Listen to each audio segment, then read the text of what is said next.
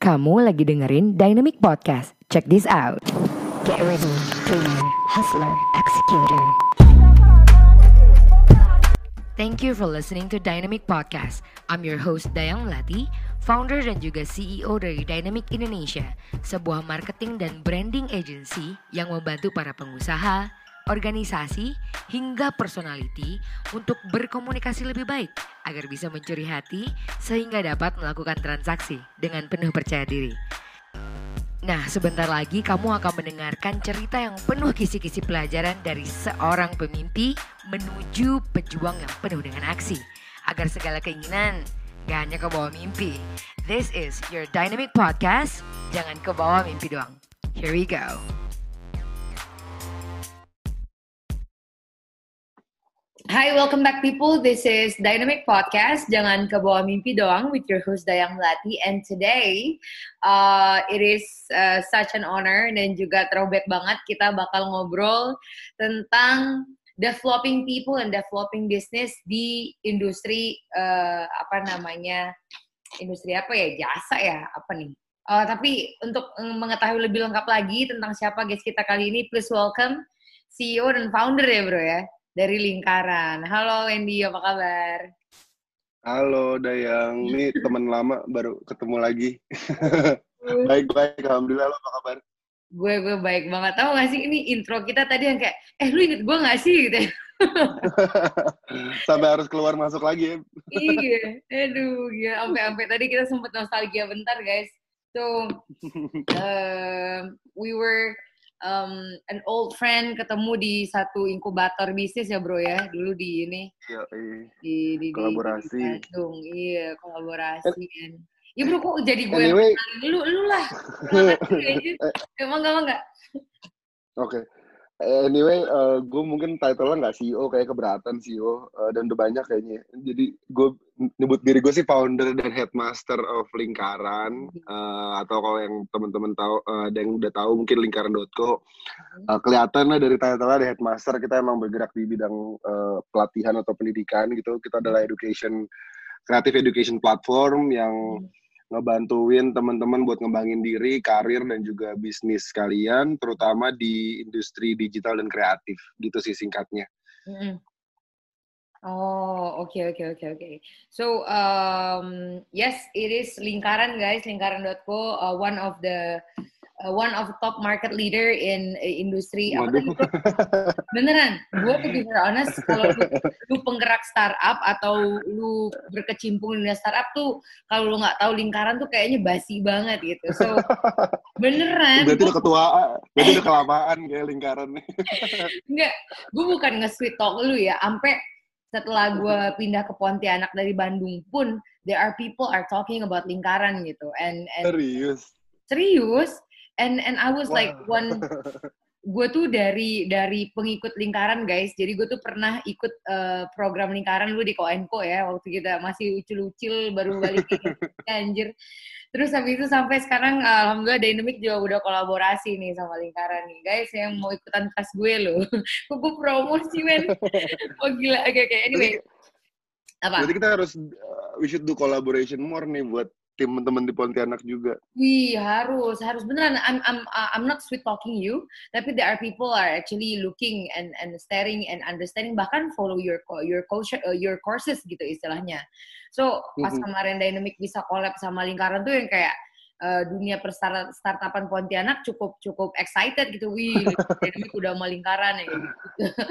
so we were excited actually. Um, anyway, uh, this occasion kita nggak lagi nggak reunian, by the reunian kayak panjang ya kalau dilanjutin nih. Iya. Tapi podcast kali ini nih bro, kita bakal bener-bener ngomongin uh, apa sih namanya how you develop people so that you develop the business. Waktu pertama kali gue ngajar kan di lingkaran dan itu kan emang literally digital ya. Sekarang mm -hmm. udah digital dulu masih offline ya, ada offline-nya ya bro ya. Yes, Sekarang udah digital dan ada term headmaster gitu. Uh, dan term-term lainnya yang menurut gue SOP yang ada di lingkaran itu sangat profesional dan sangat nyaman ya, to be very honest ya. kayak tim-tim lu tuh kayak bener-bener well managed. Gue nggak tahu ya gimana gimana badai yang lu hadapi di dalam di dalam startup lu but so far gue sebagai stakeholder ngerasa yang kayak pas waktu kita partnership sama sama sama lingkaran itu sangat well developed gitu istilahnya bisa cerita dulu nggak sebelum kita ngomongin yang berat-berat how how and why I think atau why and how you start lingkaran.co Hmm, oke. Okay. Um, kalau why-nya mungkin gue uh, beberapa udah beberapa kali ngobrol ngomongin juga dan ngobrol hmm. um, bahwa jadi gue dulu mulai uh, ya ya lingkaran udah cukup tua ini tahun ke-6 kita kita hmm. start di 2014 hmm. waktu itu gue 2013 lulus uh, punya gue backgroundnya adalah arsitek uh, jadi gue lulusan arsitek dari Bandung terus balik ke uh, Jakarta uh, simply orang nyokap gue minta bikinin rumah waktu itu kayak kayak renovasi rumah gue tapi belum eh pas gue bikin mulai ngedesain tapi nggak bisa uh -uh. uh, gue bingung gitu kayak praktikalnya gimana sih nih gue harus hire uh, tukang berapa RAB-nya hmm. gimana hitung hitungannya hmm. uh, semennya harus berapa segala macam nah dari hmm. situ gue uh, malah gue bikin apa ya bikin gue wondering dan dan dan anxious juga kayak kenapa gue kuliah lama-lama kok nggak bisa nerapin ilmu gue langsung ya gitu. Wow. Nah, dari situ uh, gue mulai uh, apa ya kayak validasi ke teman-teman ke, ke lingkaran terdekat gue dan hmm. menemukan fakta bahwa adanya gap antara apa yang kita pelajarin di kampus di formal education dengan apa yang sebenarnya dibutuhin di industri. Hmm. Dan itu bayangin enam tahun lalu sih, hmm. benar gue uh, merasakan, maksudnya itu benar-benar uh, apa ya single uh, eh, POV gitu point of view kan uh, kemudian validasi keluar ternyata punya masalah yang sama dan uh, uh, one thing led to another dan kayak enam tahun berikutnya uh, yang bikin gue personally personally apa ya uh, person personal objektif gue tercapai gitu di tahun ini adalah ini jadi isu nasional gitu. Wow. Uh, 2000 maksudnya kayak ngelihat sumber daya manusia Indonesia di compare ke nanti ke depannya udah bonus demografik terus di hmm. ke investasi yang tinggi ekonomi segala macam gitu bahwa akhirnya secara nasional ini sadar bahwa SDM kita tuh belum cukup padahal potensinya gede banget gitu apakah hmm. kita mau menyerahkan potensi kita market the, the latest raw market in the world ini ke tangan-tangan penjajah mm -hmm. ya, tangan-tangan orang luar gitu atau kita bisa meng apa ya memanage sendiri bisa merdeka yeah. sendiri bisa Eh, sama-sama bangun uh, anjir tiba-tiba nasionalis gini. Anjir.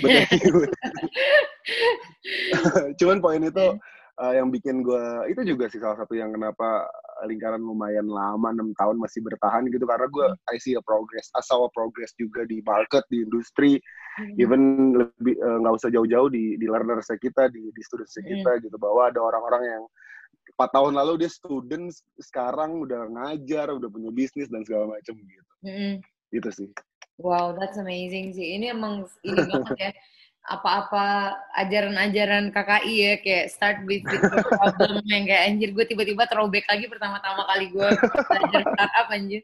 Uh, kayak dari personal problem tapi itu emang nyata ya kalau kita nggak bisa answer our own problem gitu. Uh, yang relate sama audiens ya susah juga. Dan to be very tapi, honest ya plus minus sih. Plus minus maksudnya kayak dulu dalam arti kayak gue dulu kan ya dulu empat tahun lalu sosial media using uh, users juga belum sebanyak ini dan belum se se membludak inilah penggunaannya gitu jadi yeah, yeah. validasi juga cuma bisa dilakukan sebatasnya dan hmm. kalau enggak kalau kalau mau reach lebih banyak orang bayar gitu yang gratisan yeah. tuh ya ya dikit lah gitu kecil hmm. nah dulu yang maksudnya bukan berarti lingkaran karena kita termasuk yang awal-awal terus kita jalannya mulus juga enggak mungkin in a way hmm. gue juga ini apa ya, kayak mungkin off the record padahal di record yeah. gitu jadi hmm. gue juga punya personal personal achievement yang gue ngerasa gue gue puas banget secara personal bahwa hmm. kita bisa kita membantu membuka jalan lah gitu hmm. zaman dulu kayak gue ngejelasin lingkaran tuh apa kenapa lo harus belajar di luar sekolah kenapa lo hmm. harus weekend belajar tuh susah banget nggak kayak yeah, iya, sekarang yeah, yeah. Di 2014 ya soalnya ya.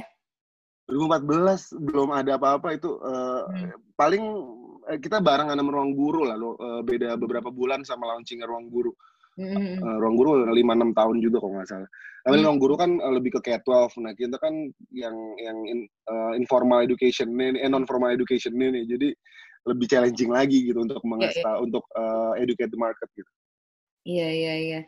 Um, gimana ya? Gue ngerasa pandemi itu gue sebagai digital marketing dan branding agency juga apa ya?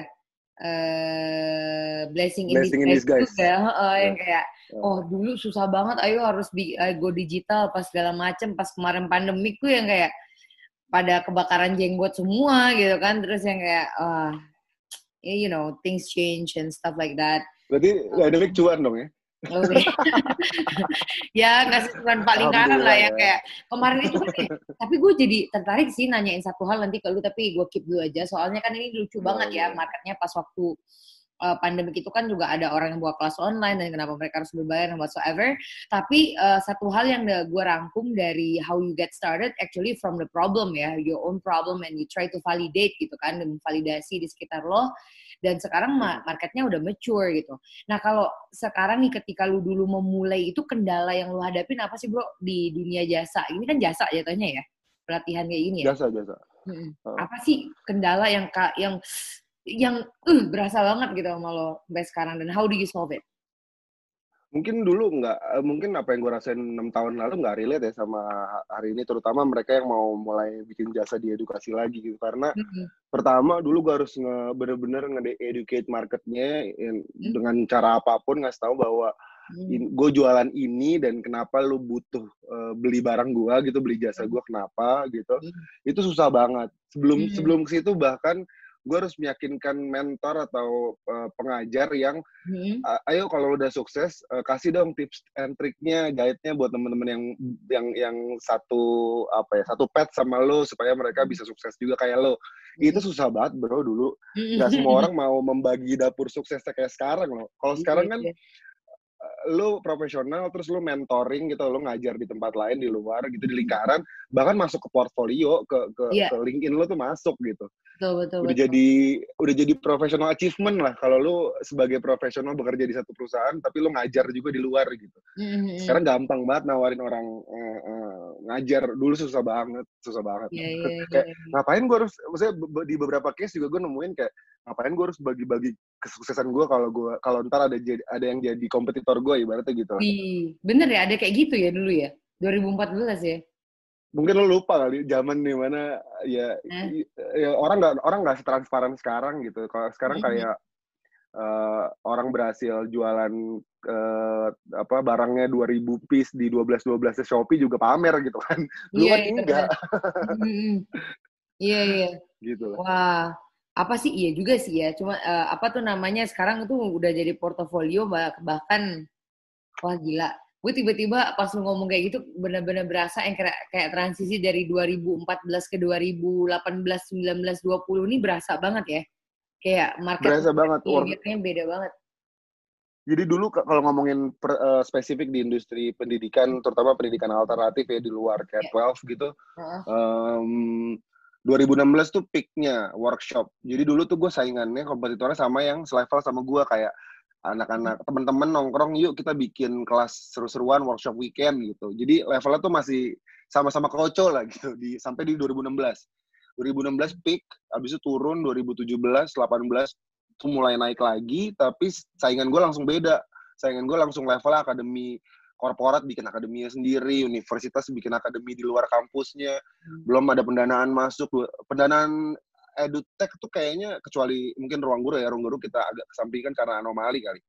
Cuman di yang lainnya uh, itu tuh baru di tiga tahun ke belakang kali, tiga empat tahun ke belakang dan dan kalau ngomongin industrinya sekarang tuh pun gapnya gede banget antara juara apa uh, market leader di the whole ini ya. Di, kalau lingkaran kan fokusnya di uh, profesional gitu. Kalau kalau kita hmm. ngomongin the whole education sendiri, gapnya jauh banget antara juara apa leader satu dua tiga dengan the, the rest gitu jauh banget.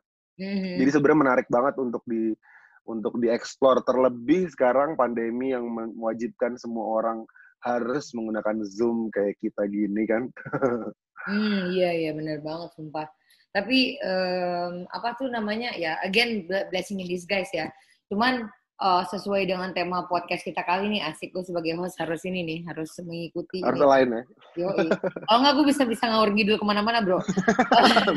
Asik kan ngobrol. Nah cuman kalau kita balik lagi nih Wen uh, kan berarti lu ngerasain ya transisi dari dulu yang uh, new market lah istilahnya gitu kan sekarang udah mungkin Hmm. agak mature gitu kan.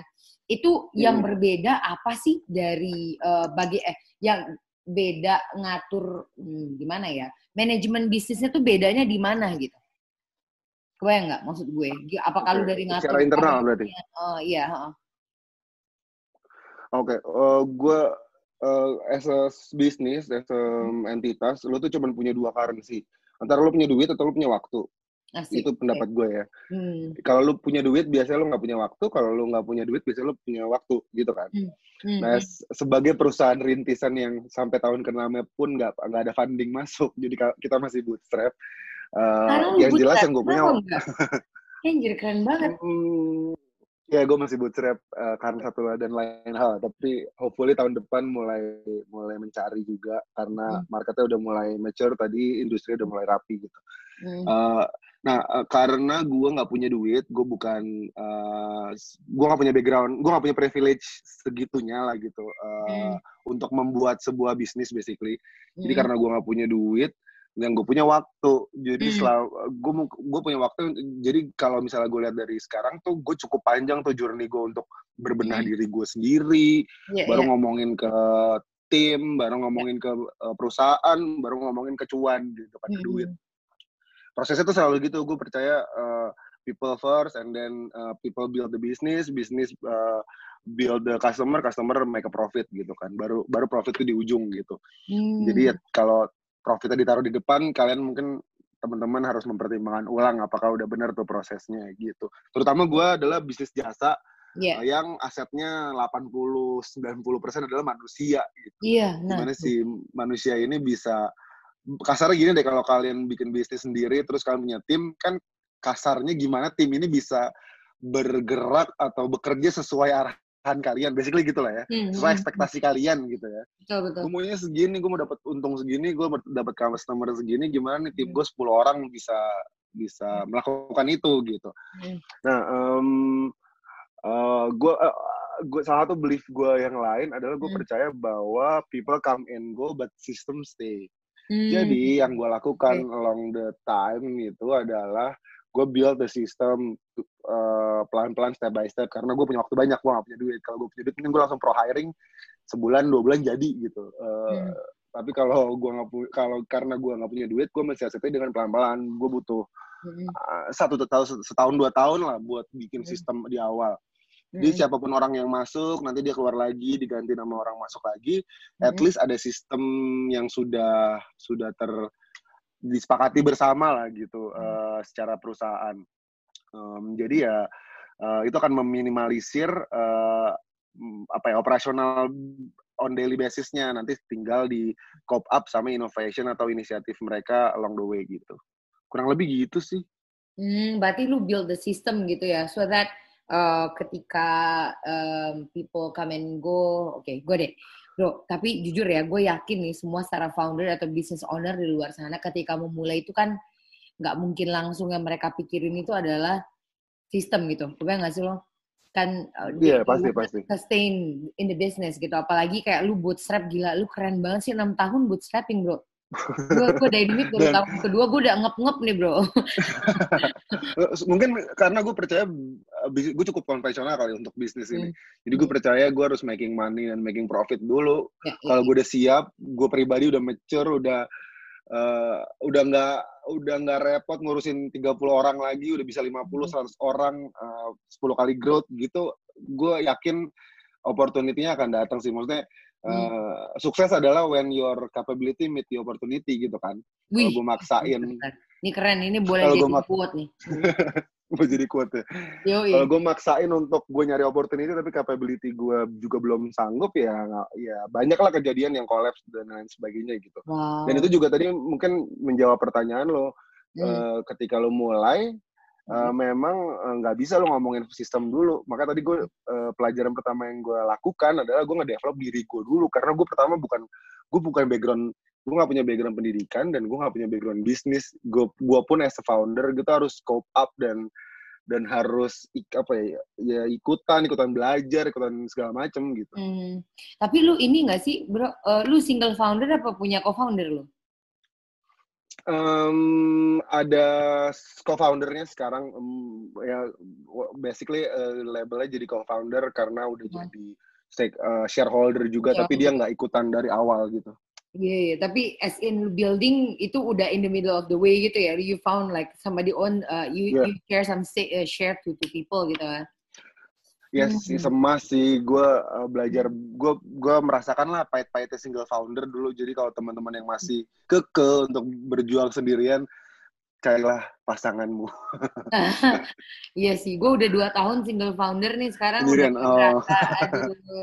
Padahal dulu kan pas waktu di KKI udah dikasih tahu ya, yang kayak ah, bahkan pertama kali masuk disuruhnya tuh nyari co-founder dulu ya kayak itu semas sih cuma karena uh, business entrepreneurship is a long journey it's a marathon yeah.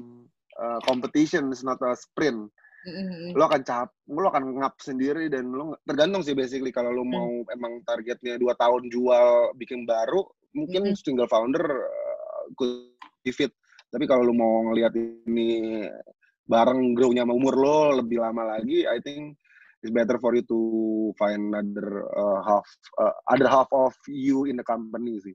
Iya yeah, iya yeah, iya. Yeah. Wow wow, that's amazing. Uh, apa ya aku gila I'm, I'm lost of time kayak gue kayak tiba-tiba ingat masa-masa gue di Bandung aja. Oh. Aduh. Kebayang yeah, waktu di, di sandbox Bandung ya? Di sandbox Bandung. ini ya he denger ini kayaknya dia ketawa-ketawa rusuh ya. Anjir. Ngapain anak-anak gue. Um, anyway, uh, nah sekarang kan kalau kita back to the to the your journey ya, istilahnya when you start off, uh, good founding adalah yang lu reflect back adalah you need to set uh, you need to settle yourself gitu kan. Then you settle people people settle business business get profit gitu. Wow itu it's a it's amazing journey kalau menurut gue. Nah cuman business kalau, customer dulu eh sorry sorry gimana? Uh, build people. Abis bisnis customer. Build people, people build business, bisnis ke customer, customer ah. make a profit baru dia. Oke okay, oke. Okay. So uh, people ini build business ya, business build customer. Nah sekarang kalau yeah. kita lihat uh, apa namanya kita belak belakan di real case uh, waktu kita build a business, uh, the king is actually the cash flow gitu kan. And for mm-hmm. the fact you have 80 uh, percent of your asset then and your business in from from other people gitu. Apa ada nggak mm-hmm. sih faktor-faktor lain yang menunjang kesuksesan lu di bidang jasa ini selain sistem, Bro? Karena gue yakin itu human error kan pasti banyak banget ya. Think you are mm-hmm. handling something uh, you are handling something that you cannot control gitu. Gimana tuh, Bro? Iya. Yeah Uh, it depends on your industry dan juga uh, bisnisnya apa gitu. Uh, hmm. Pelajarin aja um, nature tiap bisnis, tiap bisnis, tiap industri itu punya nature masing-masing. Uh, hmm. Contohnya education. Hmm. Uh, education itu gue gue gue mempelajari gue tuh somehow mempelajari gimana orang memilih kampus waktu dia kuliah dulu gitu kayak menurut okay. apa sih yang bilang kampus ini bagus kampus ini jelek kampus ini kurang bagus gitu gue masuknya yang ini yang ini gue nggak mau gitu Uh, ada dua hal sih. Yang pertama adalah uh, branding, uh, branding in terms of uh, apa ya kayak word of mouth, terus di di uh, di apa ya, dijustifikasi juga dengan akreditasi yang bagus itu kan menambah branding juga kan. Hmm. Terus yang kedua adalah community atau alumninya gitu. Kayak uh, lu masuk kampus A karena lu lihat alumni presiden gitu, alumninya yeah. menteri misalnya. gue mau jadi menteri gitu kan. Mm-hmm. Nah dari um, dari dua itu mm-hmm. akhirnya itu yang gue investasikan cukup besar di lingkaran gitu. Yeah. Uh, gue benar-benar bangun dan kebetulan gue orang backgroundnya desain gitu kan, mm-hmm. arsitek.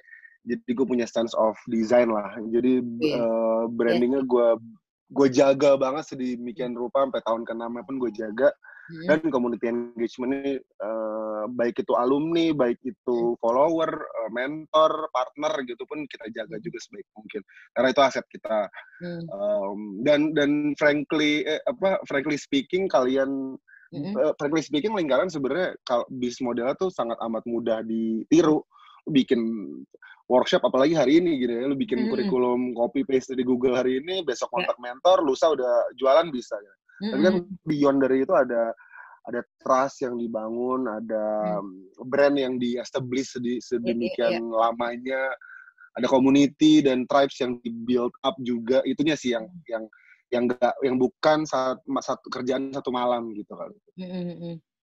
Oh, gue setuju banget ya uh, gue jadi uh, ingat satu hal deh yang yang kayaknya penting banget gue tanyain ke lu ketika lu ngomong bisnis model gue kan sebenarnya gampang ditiru gitu. Everyone can just have another lingkaran at their Lagi service, ya kan? Iya. So if I'm asking you apa sih competitive advantage atau killing point lu apa ya bro? How how do you, how you will answer that? Gue tanya berarti balik ke lo. Apa yang membuat lo memilih uh, kampus lo yang lo lo lo apa? Yang lo belajar kemarin dibanding kampus lain? Hmm, simply karena gue suka karena yang diajarin bagus, kredibilitasnya di marketing bagus, terus habis itu lokasinya bagus, habis itu gue ngelihat gue bisa berkembang di sana karena lingkungannya bagus itu. Kurang lebih itu sih. Kalau di gue mungkin uh, konten atau kurikulum tuh bukan bukan edit value lagi karena semua orang udah ngomongin hal yang sama sekarang gitu dan hmm. dan nge-serve kurang lebih uh, topik yang sama gitu. Hmm. Tapi beyond dari itu uh, it's a place for you to grow gitu kan, to develop. Mereka kan nge-sense kayak hmm. uh, apa ya? Uh, community-nya vibing enggak gitu kayak sesimpel hmm. sesimpel gitu kalau kalau lu notice atau teman-teman notice mungkin kenapa lingkaran stay uh, apa ya uh, kalau lihat judging by Instagram aja kita tuh terlihat hmm. sangat amat muda dan cerah dan yeah, yeah. playful gitu kan hmm. di compare ke yang lainnya gitu yang hmm. yang mungkin yang lainnya lebih men, mungkin yang lainnya lebih menghadirkan uh, uh, brand yang trustworthy uh, apa ya rigid uh, bisa dipercaya dependable kayak gitu gitu tapi mm -hmm. tapi kenapa kita lebih playful karena kita ya tadi sih kita uh, your your vibes uh, attract your tribes gitu. Jadi ketika kita hmm. sudah memberikan good vibe gitu atau hmm. vibe yang tepat, uh, tribe yang tepat juga akan datang gitu sih apa hmm. yang yang kita percaya gitu. Oh, berarti lu bisa dibilang you maintain the value of brand ya, berarti ya? To, uh, iya, yeah, tapi brand brand dari sis dari the whole the whole brand ya kadang-kadang orang tuh suka mentranslate brand tuh cuma dari look dan visualnya yeah. aja ya tapi kan customer touch point, uh, customer journey, uh, dan lain-lain uh, segala macam itu brand tuh kalau dikaji itu banyak banget. Jadi yes, itu sih yang yes. kita pertahankan gitu. Mm, yeah, nah, wow. ke tahun depan ya, ekspektasi kita karena kita udah sampai sini secara fundamental harap apa uh, kurang lebih udah cukup kita mulai main ekspansi ke teknologinya jadi kita punya teknologi aset lah aset lah gitu kalau di ses okay aset kita nambah di teknologi juga gitu. Hmm, oke. Okay. Gua jujur ya nge-reflect lu itu kayak bener-bener cocok banget untuk temen-temen yang uh, sekarang mungkin baru mulai atau baru bikin startup atau baru mulai berbisnis gitu ya bro ya. Kalau seandainya mm-hmm. tadi lu bilang competitive advantage atau killing point lu adalah dari brand, dari customer touch point, itu sebenarnya benar-benar bisa menjadi competitive advantage kita ya. Karena jujur ya bro, kadang-kadang kalau kita, gue kan juga sering masih sering mentoring gitu ya. Dan pas mm-hmm. tanya apa competitive advantage lu, apa killing point lu gitu kan yang kayak sometimes sometimes tuh kita freak out gitu loh, Bo. Karena masih iya ya apa ya yang uh, bisnis gue sama yang lain. Bisa nggak bro lu sharing-sharing ke kita nih uh, how to build, uh, how to decide uh, uh, our competitive advantage atau our killing pointnya, bro? Dari journey um, aja gitu. Okay. Sebenarnya di, balik lagi depends uh, USP kita mau apa ya, value proposition hmm. kita atau competitive advantage kita mau apa. Tapi hmm. what I believe is nothing new under the sun lah gitu. Uh, um, apa? Maksudnya kayak inovasi yang, hmm. you know, yang yang tech savvy, yang segala hmm. macem gitu tuh. At the end of the day, kayak lo tau lah e-commerce masuk keren apa juga ujung-ujungnya perang harga sama ongkir kan? Iya betul. Ujung-ujungnya exactly, aja. Kan, Kuat-kuatan duit ya bro ya. Iya, ujung hmm. mau dia bilang dia loadingnya lebih cepet gitu, I think berapa persen aja sih yang yang, yang maksud gue ada sih berdampaknya pasti ada lah cuman orang nggak mention itu dengan dengan bold lah apalagi market Indonesia yang mungkin belum terlalu mature lah untuk high tech gitu mm -hmm. uh, balik lagi kayak gue ke sini karena CS ramah gue ke sini mm -hmm. karena refundnya cepet gitu uh, yeah. gitu customer touch point tuh penting banget sih buat bisnis mm -hmm. kalian apa pun mm. walaupun kalau kalian ngomong ke investor gitu mungkin nggak bisa tuh kalian harus bikin USP yang yang yang terdengar baik dan bagus lah gitu. Hmm. Cuman kalau di kenyataannya yang gue rasain itu uh, lebih ke fundamental dan dan dan what matter the most to our customer sih itu poin pentingnya kali ya. Hmm, Uh, iya. Kalau disuruh sebutin satu kalimat atau satu kata sifat, biasanya kan lu mau jadi apa nih? Mau jadi yang tercepat, ter, apa faster, uh, easier, kan gitu kan kata-kata Iya, competitive, competitive advantage kan. Mm-mm. Kenapa? uh, itu simply karena what they want gitu, apa yang mereka mau dari bisnis lu dan apa yang penting buat mereka Hmm. di pertarungan uh, misalnya di pertarungan uh, e-commerce ini kenapa ongkir tuh jadi matters gitu. Iya, iya. Eh, itu kan ada ada psikologi lah di baliknya. Mhm. Makanya strategi yang diambil ongkir bebasin semua gitu padahal harga padahal mungkin harganya ditambahin ke harga dasarnya misalnya. Iya, iya. Gitu kan. Cuman Iya, kan betul. secara psikologi kan orang eh, akan aware gitu. Mm-mm. Eh, jadi itu sih eh, listen to your customer first karena tiap customer, tiap bisnis, tiap industri beda-beda. Dan apa, gitu, eh, apalagi yang baru mulai ya, gue selalu ngomong ini sih kayak akan lebih mudah bagi lo untuk membuat eh, em, bis eh, solusi untuk problem yang udah ada dibandingkan eh, bikin solusi dulu baru nyari problem yang mau di tackle yang mana gitu. Uh, mantap banget tuh, bener, bener banget. Mm-mm. jadi balik lagi sih ke problem eh, ke se- apa ke kanvas sederhana itulah customer eh, apa vali- eh, apa sih eh, validation canvas itu jadi customer lo siapa painnya Hmm. mereka apa gainnya Hmm. mereka apa lo bisa Hmm. eh, lo bisa serve yang mana lo mau Hmm. jadi vitamin apa mau jadi painkiller kayak gitulah. Wow. Gila ini ini bahasa-bahasa Arab semua guys. ini habis? Ah, tapi itu emang sebenarnya emang udah everyday everyday thing yang sebenarnya harus kita lakuin ya bro ya. Mungkin kalau gua pengen nambahin juga dari Wendy ya guys. em, sedihnya pas kita awal-awal mulai bisnis kalau gua throwback ya istilahnya dari kacamata orang yang pernah bangkrut gitu ya. Uh, sometimes we don't have time to think about that gitu loh. When we actually must have time to think about that gitu. Karena banyak banget baru recently nih bro, kayak gue ditanya lagi nih sama mentor gue gitu kan yang kayak what is your key Hmm. point, what is your competitive advantage.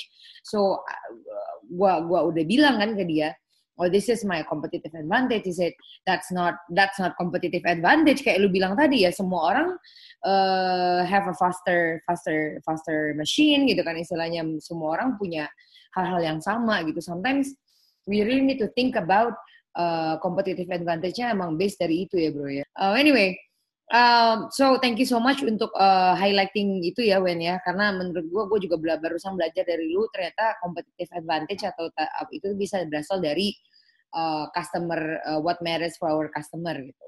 Nice bro. Nah, sekarang nih how to overcome problem bro. Gue yakin ya when you develop uh, this business for six years, pasti udah ketemu dong pattern masalah dan segala macam kan ya. Bisa nggak lu kasih kasih sharing-sharing ke kita kayak how do you find atau build the pattern of the problem ya and solve it itu kira-kira gimana ya? sebenarnya gue tuh gak percaya sama motivator gitu loh. Makanya dulu lingkaran tuh gak gue arahin ke situ. Jadi yang gue arahin tuh lebih ke practical base lah bukan uh, motivation base gitu. Cuman ternyata pas gue jalanin sendiri kayak ya sebenarnya masalahnya tuh emang nggak pernah di praktikal. Masalahnya tuh nggak pernah di technical gitu. Mhm. Eh, nyambung ke nyambung ke uh, pertanyaan lo. Dan ini gue dapat juga dari temen-temen di KKI nih ada salah Siapa satu uh, orang di KKI gue inget banget tuh mm, 2018 akhir apa 2019 akhir gitu gue lupa. Gue stres banget waktu itu. Hmm. terus uh, ngarahin mesti kayak mempertanyakan banyak hal gitu. Ya biasalah uh, tengah tahun sama akhir tahun adalah pattern problem gue pattern gue mempertanyakan banyak hal jadi gue Hmm. harus selalu siap di, di dua di dua waktu itu. Nah dia bilang gini ketika uh, pro- problem yang gue rasain waktu itu kan ya tentang lingkaran lah basically. Iya, ah. Dia bilang tuh uh, setiap lu punya masalah, 70 persennya itu adalah masalah mental. 30 persennya baru masalah teknikal. Jadi yang lo harus selesaikan dulu adalah mental lo. Hmm.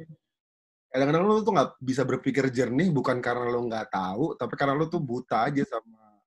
Iya kan kita manusia refleks lah ya lu sedih yeah. lu stress, mikir gitu kan itu refleks semuanya kan mm-hmm. uh, itu dulu lu kelarin gitu 70 persennya lu uh, kelarin atau lu nikmatin gitu di di, di fase mm-hmm. sekarang uh, banyak orang yang menikmati itu mm-hmm. and then habis itu uh, lu akan nemuin sendiri human is resourceful uh, pada akhirnya sebenarnya gitu dengan mm-hmm. dengan ya gue gue sampai di titik sini itu um, lo akan berkembang sesuai kapasitas lo gitu. Lo akan ada di tempat sesuai sama kapasitas lo.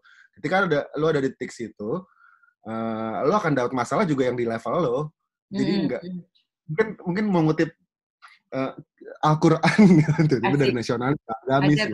Hmm. Kayak Tuhan kan nggak akan ngasih masalah yang di luar kapasitas lo dan itu bener banget sih. Itu gue iya. alamin gitu. Mm-hmm. Kayak dan mungkin teman-teman juga akan ngalamin uh, mungkin teman-teman akan mengiyakan ketika masalahnya udah beres kayak oh iya iya ternyata gini doang ya gitu kan sering banget tuh kayak gitu kan kita kalau refleksi gitu mm-hmm. dan lo hari ini diperuntukkan untuk lo nge-solve masalah lo hari ini bukan mm-hmm. lo enam tahun lagi atau bukan lo enam tahun lalu gitu mm-hmm. jadi ya uh, uh, quick quick quick answer adalah start with uh, mas sel sel selesain uh, apa namanya uh, mentally isunya dulu, uh, hmm. baru abis itu pelan-pelan lo uh, technical isunya gitu. Dan kedua, kalau gue sih mentor, partner, temen ngobrol tuh penting banget sih. Hmm. Uh, kayak lu beruntung banget lu punya mentor uh, dulu hmm. di KKI juga sampai sekarang juga masih punya mentor. Hmm. Itu penting banget. Dan menurut gue cari mentor yang satu, dua, tiga step di depan kalian, jangan hmm. yang 10 step.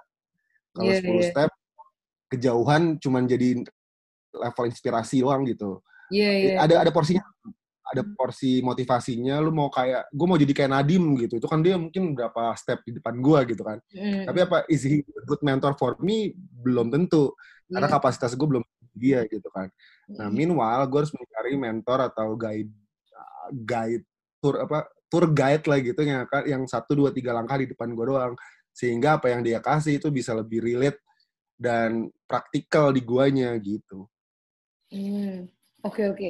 So um, itu cool banget sih menurut gue uh, saran dari lu finding mentors, people to talk to gitu kan makanya ada komunitas dan segala yes. segala macam ya bro ya. Thank you banget buat again, thank you Wendy udah ngerimain gue bahwa nyari mentor tuh jangan halu gitu ya, yang kayak bener-bener Uh, iya karena kan sekarang approachable ya bro ya. To be very honest, apalagi pandemi kemarin kan semua orang wanted to help everyone gitu kan. Yeah, Terus yeah. yang kayak it's easy for people uh, who has already asset like us atau mungkin orang yang udah run the business to talk to someone yang kayak emang udah famous and got connected tapi sebenarnya nggak relate sama sama problem lu karena emang kejauhan bener juga sih kata lu. Iya. Anyway, dan ya, lu, tau gak sih lu itu bisa ya. dimut loh, Wen? Gue gak sih lu yang kayak, anjir dia standarnya udah tinggi banget kan, dan lu yang masih kayak tergopoh-gopoh di bawah, yang kayak, ayo lu terbang, ayo lu terbang, sayap gue aja belum tumbuh gitu kan. Soalnya kalau lu ngobrol sama mereka yang lebih kejauhan, mereka akan kayak gimana ya? Ya balik lagi ntar sarannya kayak ya udah cobainnya dulu. Kayak tadi misalnya kayak gue ngomong tadi, ya udah lu coba uh, human are resourceful gitu. Dia akan ngomong kayak gitu levelnya karena dia udah intro itu udah lama gitu. Tapi ketika lu um, apa uh, lu nanya masalah yang lebih spesifik ke orang yang baru dua tahun lalu ngerasain dia akan jawab dengan gue kemarin gini bro coba ya lo giniin deh oh, gue kemarin gini tapi gagal lo jangan kayak gitu ya lo coba gini deh gitu hmm. iya iya eh tapi oh, ngomong-ngomong ya lu strong juga ya bootstrap selama enam tahun keren loh itu menurut gue gimana tuh lu sustain bro ya bisnis kan harusnya making money ya. Gue sesimpel itu ya. Gue bertahan nih KKI sampai sekarang kayak gini deh. Justru yang justru keren justru kalau gua yang sekarang lagi struggling adalah gimana cara bikin gua bisa punya burning rate sehingga growth gua lebih tinggi itu problem gua sekarang oh iya uh, mungkin kebalik kali ya mm -hmm. uh, kalau yang zaman ya ya bisnis what you call startup dengan uh, dengan apa sih istilahnya growth uh, growth setinggi tingginya tanpa peduli cash gitu kan mm. ada model itu kan sebenarnya justru model baru kan model mm -hmm. dari US gitu dari Silicon Valley gitu kan Uh, baru uh, apa dari situ startup, kemudian lo uh, akuisisi market atau user segede-gedenya tanpa making money, uh, atau masih merah rapotnya habis itu baru lu pelan-pelan profit gitu kan BEP profit gitu kan Iya, mm. gue sih basically the way around aja. Jadi gue mulai dari profit dulu. Dari day one gue juga udah ngitungin cash flow. Day one gue juga udah gue harus ngegaji diri gue, makan di sini, tim gue di sini, plus punya surplus buat tahun depan, buat R&D, buat marketing cost gitu. Jadi mindsetnya emang agak beda sih. Nah problem gue dengan kondisi kayak gini, gue malah uh, challenging buat gue untuk gimana caranya making growth yang signifikan uh, mm-hmm. tahun depan nih ketika gue main teknologi gitu. Yeah, nah itu yeah. challenge baru buat gue. Gimana caranya bisnis yang model yang udah profit ini justru gue kecilin profitnya atau nggak apa-apa burning dulu sehingga gue punya growth yang gede. Jadi basically uh, choose your own inilah choose your own challenge gitu, choose your own yeah, iya. pain yeah. gitu. Tapi tapi jujur sih itu uh, adalah something yang juga nggak akan kita temukan atau uh, teman-teman pebisnis pemula nggak temukan kalau nggak duduk mikirin hal itu ya nggak sih bro? Gue jujur ya bro ya, gue pas habis bangkrut dari Azam, gue buka laundry. Mm-hmm. Itu beda banget rasanya. Jadi kalau Azam yang burning-burning, laundry lu tiap mm-hmm. hari dapat duit. Gue nggak sih, lu pegang duitnya oh. gitu. Iya, iya, iya.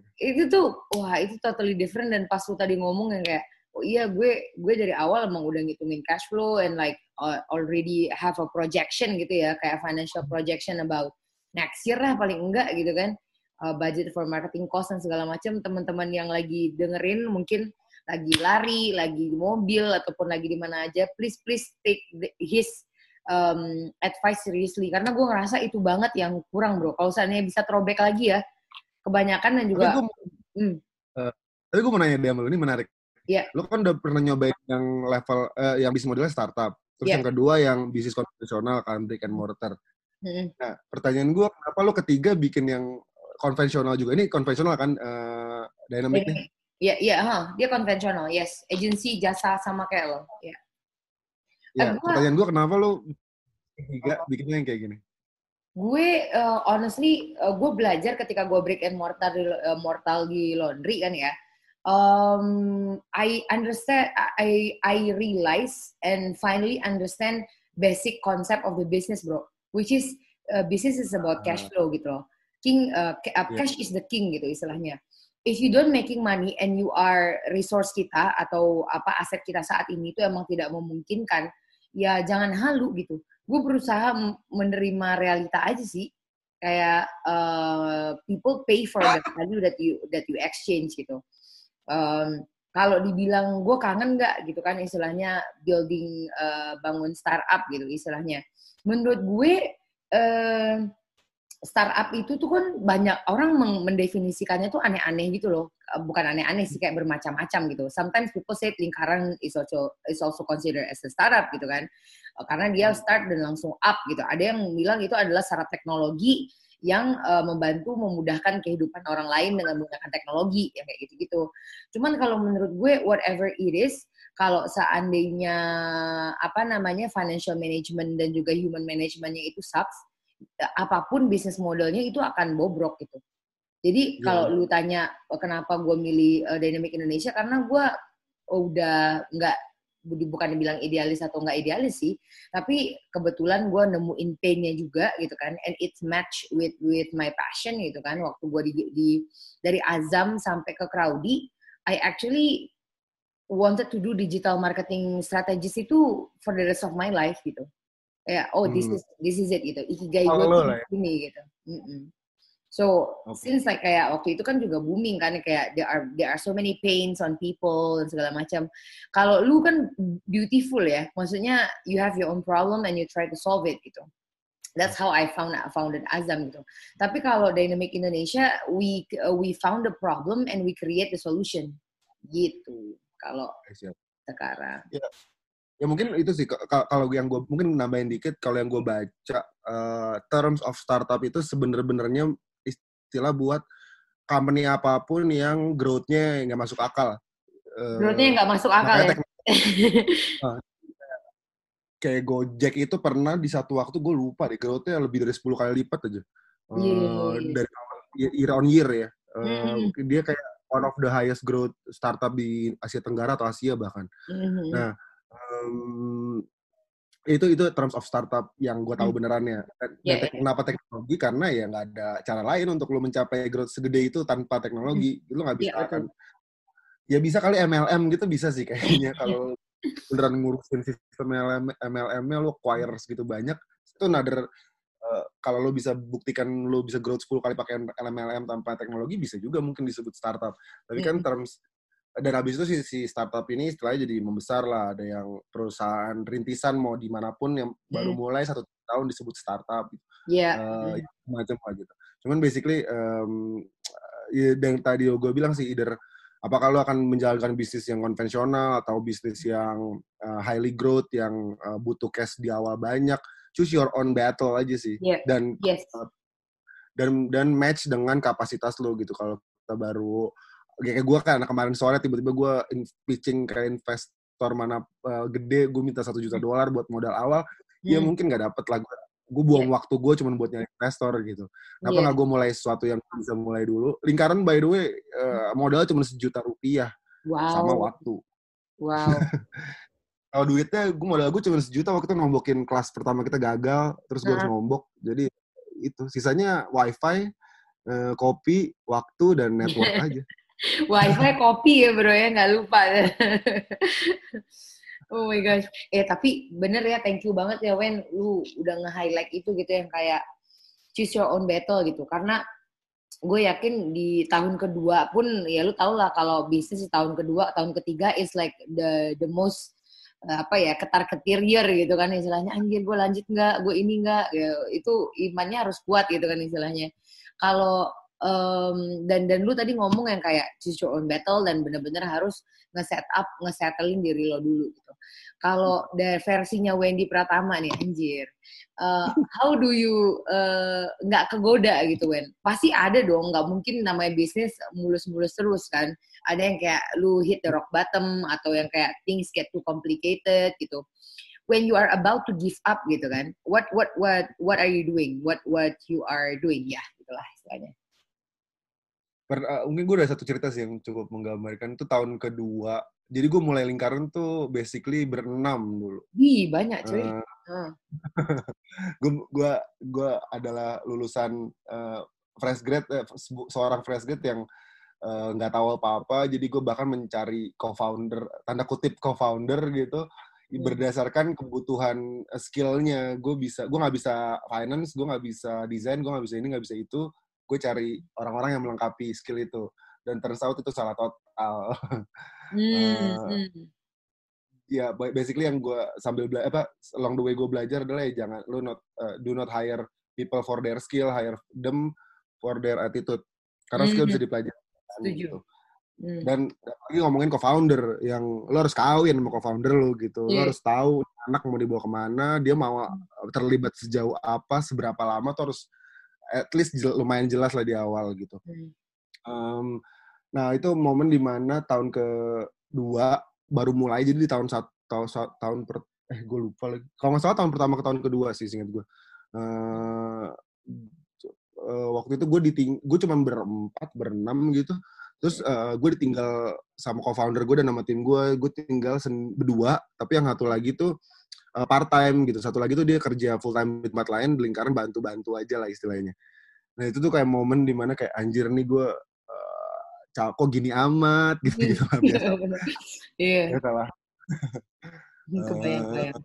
ababil ababil kalau zaman Iya, iya. kalau salah bahasa kita ababil abigail bigil abil Oke. kalau emang ini jalannya kok ini kok susah amat sedih meratap gitu kan terus Hmm. uh, that the moment uh, akhirnya gue pause jadi lumayan tuh lingkaran break tiga bulan gitu buat gue uh, nyari lagi dulu tuh dulu uh, gue biasanya kalau tadi tengah tahun sama akhir tahun gue akan kabur gitu gue jalan-jalan ke mana kayak sendirian solo traveling terus lebih ke me time aja buat Mm-mm. ngobrol sama diri sendiri buat ngecek gue udah di mana posisinya udah masih align gak sama tujuan gue awal dan seterusnya. Nah di situ uh, gue punya gue bener di persimpangan jalan tuh. Apakah gue jalanin lingkaran lanjut uh, cari orang baru? Apakah gue bikin another startup uh, kerja S2 segala macem lah banyak opsi lah gitu. Um, terus tiba-tiba gue dapet uh, message dari salah satu mentornya lingkaran. Dia Mm-mm. bilang Wendy, uh, Bapak mau ngabarin aja. Jadi anak salah satu learner selingkaran yang ikutan kelas Bapak, uh, dia jadi dia ikutan apa dia konsultasi lagi setelahnya. Jadi ini ceritanya adalah kelasnya adalah kelas packaging design. Mm, mm. Ada satu anak uh, dia itu ikutan kelasnya, kemudian uh, dia ber, abis itu dia berhasil abis abis ketemu si mentornya ini dia mereka ngobrol diskusi dan segala macam setelahnya. Nah, tiga enam bulan dari kelas itu si uh, learner sini namanya Gali dia itu uh, apa ya? Dulunya adalah bisnis orang tuanya bikin keju stick keju gitu jualan di koperasi hmm. kampus. Terus pakai uh, plastik uh, packaging yang plastik bening udah gitu aja gitu.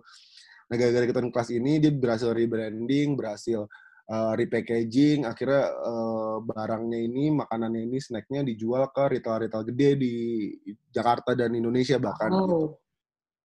Nah dari situ gue dikasih tahu ceritanya sama si bapak mentor ini ketika gue lagi away gitu lagi di mm. di mana gue waktu itu lah lupa gue.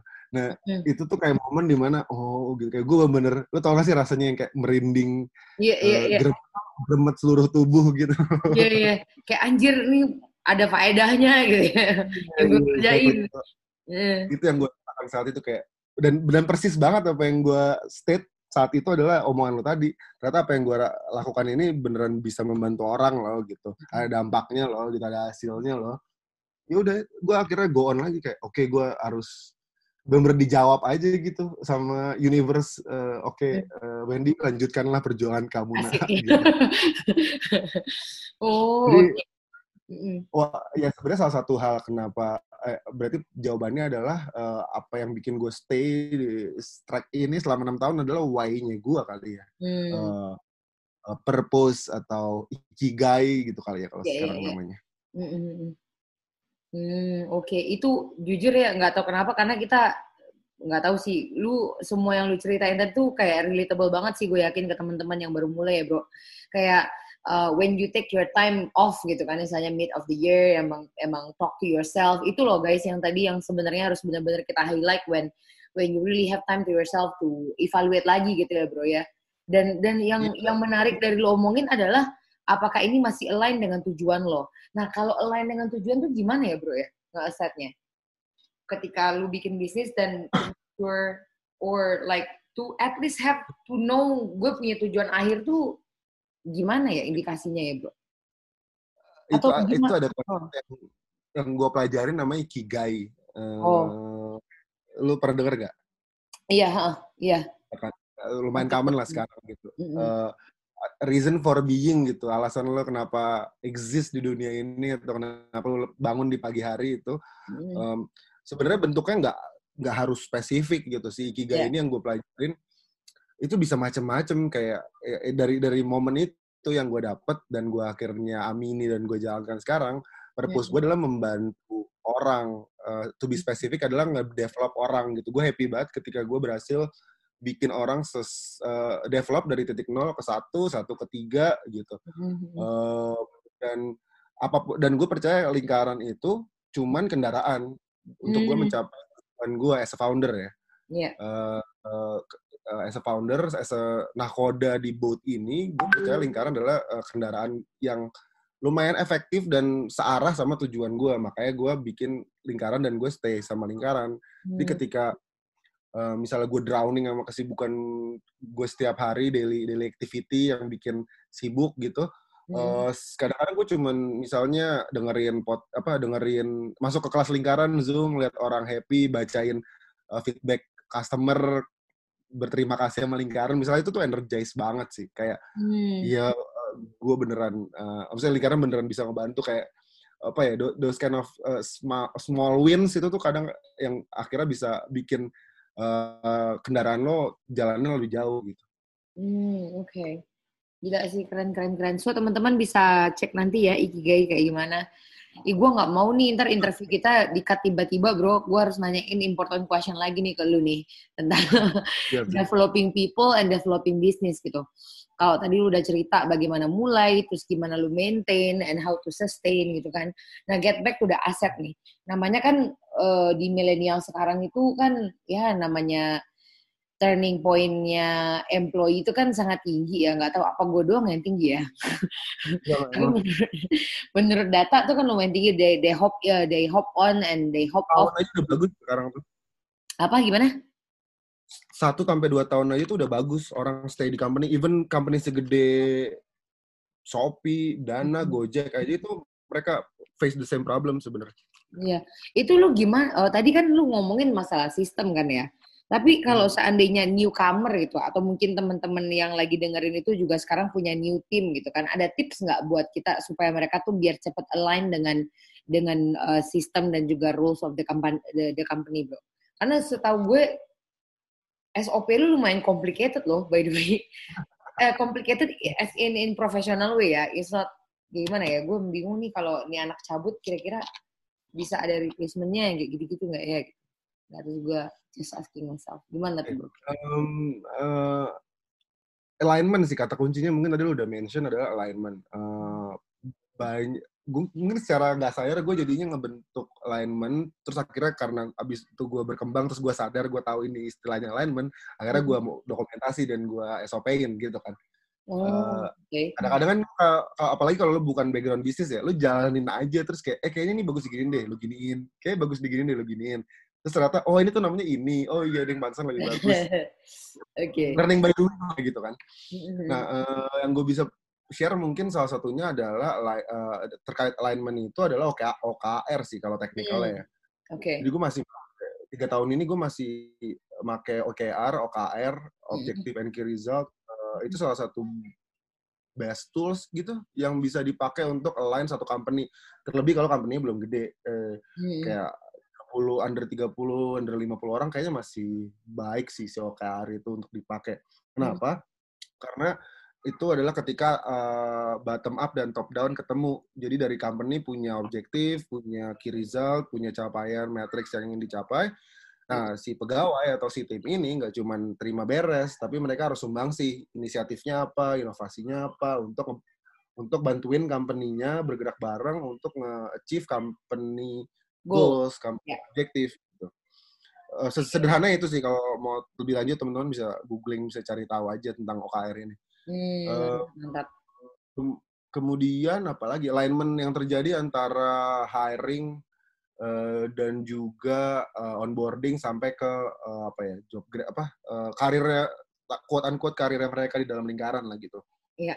Kita juga harus sadar sebesar apa company kita. Um, kalau kalau kita nih uh, sebagai gue gue kekurangan as a leader atau as a founder adalah satu gue nggak punya pengalaman bekerja di perusahaan. Jadi gue nggak pernah kerja full time di perusahaan sebelumnya. Itu pengalaman eh itu tuh kelemahan gue dan itu struggling gue jadi gue selalu berusaha untuk menutupi belajar lagi gitu. Nah, kita harus tahu nih kalau kita menempatkan diri kita di posisi tim kita company segede ini itu tuh orang bertahan berapa lama sih? Apa yang di expect sih? Kayak gitu gitulah. Yeah. Jadi contohnya ketika mereka masuk atau mereka interview, gue akan nanya pertama apa yang lu cari gitu. Uh, untungnya generasi sekarang termasuk kita gitu ya, mm-hmm. uh, termasuk lu sama gue, apalagi di di terms awal itu currency-nya nggak selalu tentang uang. Yeah. Currency-nya tuh selalu uh, rata-rata adalah self actualization, uh, belajar, uh, keren gitu.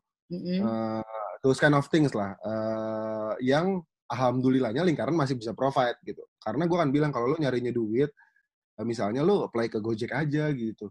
Atau mm-hmm. ke mana aja, ke sini. Basically gitu lah kurang lebih. Yeah. Karena mungkin kita nggak bisa compete lah kalau ngomongin sama unicorn ya mm. ya you don't say lah ya gitu. Yeah, yeah, yeah. Uh, tapi kita bisa compete compete jangan ya, ya balik lagi choose your own battle ketika hmm. kita tahu kita kalah di sisi benefit mungkin ada benefit financially ada hal lain yang bisa kita uh, kasih sehingga kita juga tetap attract best talent gitu Uh, bukan best lebih tepatnya uh, the right talent gitu karena hmm. orang-orang yang mau dia bagus banget tapi emang dia mengejar duit ya kita nggak akan bisa winning their heart anyway. Hmm. Jadi kita cari yang bagus secara skill dari dari visi value sama ya udah bisa kawin di situ. Hmm. Uh, itu sih uh, itu juga bagian dari alignment dari mulai uh, jadi jadi ketika tadi gue bilang uh, your vibe attract your tribe ketika brand ini beresonasi value-nya, including value buat nge-track internalnya, itu gue alhamdulillah selama enam tahun ini nggak pernah punya kesulitan yang berarti untuk nge nge-track talent dan nge-hire talent yang cocok sama lingkaran gitu. Hmm. Jadi bener anak lingkaran tuh kalau dikelompokin tuh satu kantor kurang lebih mirip-mirip lah ada ada benang merah, merahnya lah gitu. Nggak ada yang menyimpang banget gitu. Biasanya temennya temennya temennya temennya gitu. Uh, itu baru baru aja. Sebelumnya enggak. Sebelumnya kita banyak bahkan dari follower kita sebenarnya. Uh, nice. Dan wow. menariknya uh, kalau ngomongin misalnya engagement nih digital marketing ya, salah hmm. satu konten dengan engagement terbaik lingkaran adalah konten hiring. So, selalu itu di semua platform. Hmm. Jadi uh, ya itu itu menurut gue adalah bagian itu adalah output ya uh, hasil dari yang yang gue dapat dari tadi build the brand through to the value-nya juga grow together dengan community-nya dengan mereka kayak gitu. Hmm, gue respect banget sih itu bro. Hmm, apa ya gue harus nanyain ini nih sebelum ending uh, closing statement dari lu nih. Uh, hmm. Apa sih sebenarnya habit yang bisa uh, habit yang lu maintain sampai saat ini to to stay top at, at uh, to stay top at your game? Gila gue langsung belebet gini ngomongnya. Belum banyak banget yang di otak gue mangga silakan bro Uh, Oke, okay. gue mentranslate itu menjadi uh, corporate value sih, uh, company oh, okay. uh, value lingkaran gitu, uh, corporate hmm. culture gitu. Um, yang jadi ada gue punya empat gue lupa lupa inget lagi gue punya empat uh, corporate value yang it happens bro don't worry pertama adalah we are weirdos jadi kita harus admit bahwa lingkaran uh, orang-orang yang dalam lingkaran itu variatif banget uh, multi uh, disiplin beda-beda aneh-aneh nyeleneh segala macam nah kita harus pertama untuk bekerja sama secara kolektif untuk bekerja secara kolektif kita harus aware dulu bahwa kita itu beda-beda dan harus menghargai perbedaan itu gitu. Uh, itu yang pertama weirdos. Terus yang kedua adalah uh, Anjir, masa gue harus buka dokumen? Coba buka website dulu, buka website. Happen bro, gue juga biasanya kayak gitu, lupa apa ya value-nya dynamic ya. Oke, bentar ada tiga. Uh, ketahuan dong, enggak. Jadi uh, berikutnya adalah ini, uh, curiosity is key. Nah itu itu itu sih itu juga salah satu uh, fundamental kenapa kita nggak stay di zona nyaman kita. Apalagi gue gue orang gue orangnya bosenannya parah gitu. Ini hmm. komitmen adalah komitmen terpanjang seumur hidup gue sih so far. Wih. Uh, jadi hmm. gue harus selalu cari kebaruan gitu. Itu hmm. by nature gue pribadi akan begitu. Nah, gimana cara gue mentranslate itu supaya tim ikutan? Ya tadi uh, gue uh, lingkaran punya value curiosity is key di mana contoh nih teknikalnya ke bawah mereka harus dipisah mereka punya porsi untuk uh, per orang tuh mereka punya porsi untuk melakukan BAU business as usual ta tapi ada porsi untuk melakukan inovasi juga dan itu ditagih sama perusahaan kasarnya gitulah. Inisiatif hmm. lu apa nih yang baru? gitu kasarnya gitu deh. Uh, jadi mereka akan terpancing terus untuk berpikir di luar uh, kerjaan yang mereka sudah lakukan setiap harinya. Hmm. Uh, gitu, uh, itu. Terus kemudian ada lagi uh, uh, gue gue ngajak uh, gue ngajak tim uh, lingkaran untuk selalu bertanya why gitu untuk selalu uh, tahu visi misi perusahaan. Nah itu bagian dari alignment. Uh, jadi kalau di ada satu ada satu anak sosial media intern hmm. bahkan teman intern terus ditanya lu harus bikin 10 post per minggu ya? Uh, dia punya hak yang sama persis sama gua sebagai founder untuk bertanya kenapa? Hmm. kenapa gua harus ngelakuin itu? gitu kenapa nggak lima post kenapa harus gue yang ngerjain gitu dan itu harus bisa dijawab dan lain sampai ke atasnya gitu uh, wow. itu okay. kita yang ketiga jadi kayak gue nyebutnya take a mission and make do jadi Mm. Gue udah buka website jadi udah bisa nyebutin Asik. bahasa ini. Ketahuan nih. Maaf ya teman-teman ya, terjadi di dunia persilatan biasanya. Gue gue inget ininya, gue inget how-nya, tapi yeah. what-nya tuh gue nggak Ajar bro. Uh, take a mission and make do means kita harus tahu misinya apa, why-nya, why we are doing what we are doing-nya itu harus tahu, and then make a do. Ya, lu jangan cuma berhenti di why, tapi ya lu define how-nya, define what-nya, and then you just do it gitu. Uh, di situ juga, di situ ada um, balik uh, sama tadi, gue kan tipenya nurturing people ya. Mm-hmm. Uh, dan di internal pun gue terapkan yang sama. Jadi gue lebih suka orang uh, tim yang masih kanvas putih gitu, masih mm-hmm. masih banyak ruang yang untuk diimprove-nya gitu. Instead mm-hmm. of tim yang jadi banget gitu. Gue malah beberapa kali bentrok. Gue udah pernah nyobain. Mm. um, dari situ uh, gue bisa nge-stretch dia dan bisa bisa masih bisa belajar bareng sama mereka ini gitu. Mm. Uh, apa ya, ya, ya dan dan gue karena oleh karena itu makanya gue juga harus sadar bahwa gue harus memberikan room for failure yang cukup besar hmm. jadi mendingan lo minta maaf deh daripada minta izin gitu kalau di mm -hmm. cobainnya dulu gagal nggak apa-apa selalu belajar habis itu cobain lagi gitu mm. daripada lo harus tertahan birokrasi kak mau izin ini ntar tunggu izinnya si ini si itu gitu di kita lebih baik minta maaf mm. kalau salah nanti di dan hmm. terakhir adalah always be relevant itu sih yang uh, selalu update. Uh, gue main TikTok loh buat tahu sebenarnya anak-anak di bawah gue nih yang udah jauh banget gap umurnya apa ada di kepala mereka gitu. Iya iya iya. Uh, wow. Apa apa yang menjadi landasan mereka untuk membeli sesuatu kayak tiba-tiba Shopee laku batu di TikTok karena hmm.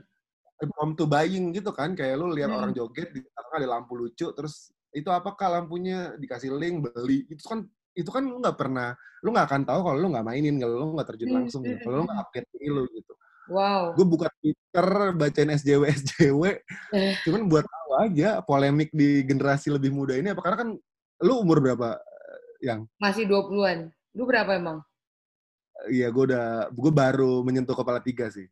Anjir. Uh, itu beda banget drive drive-nya anak 2000-an anak 2000-an tuh emang kayak gitu ya, agak beda ya. Itu adalah dari daripada anak 90-an ya nggak sih, Bro?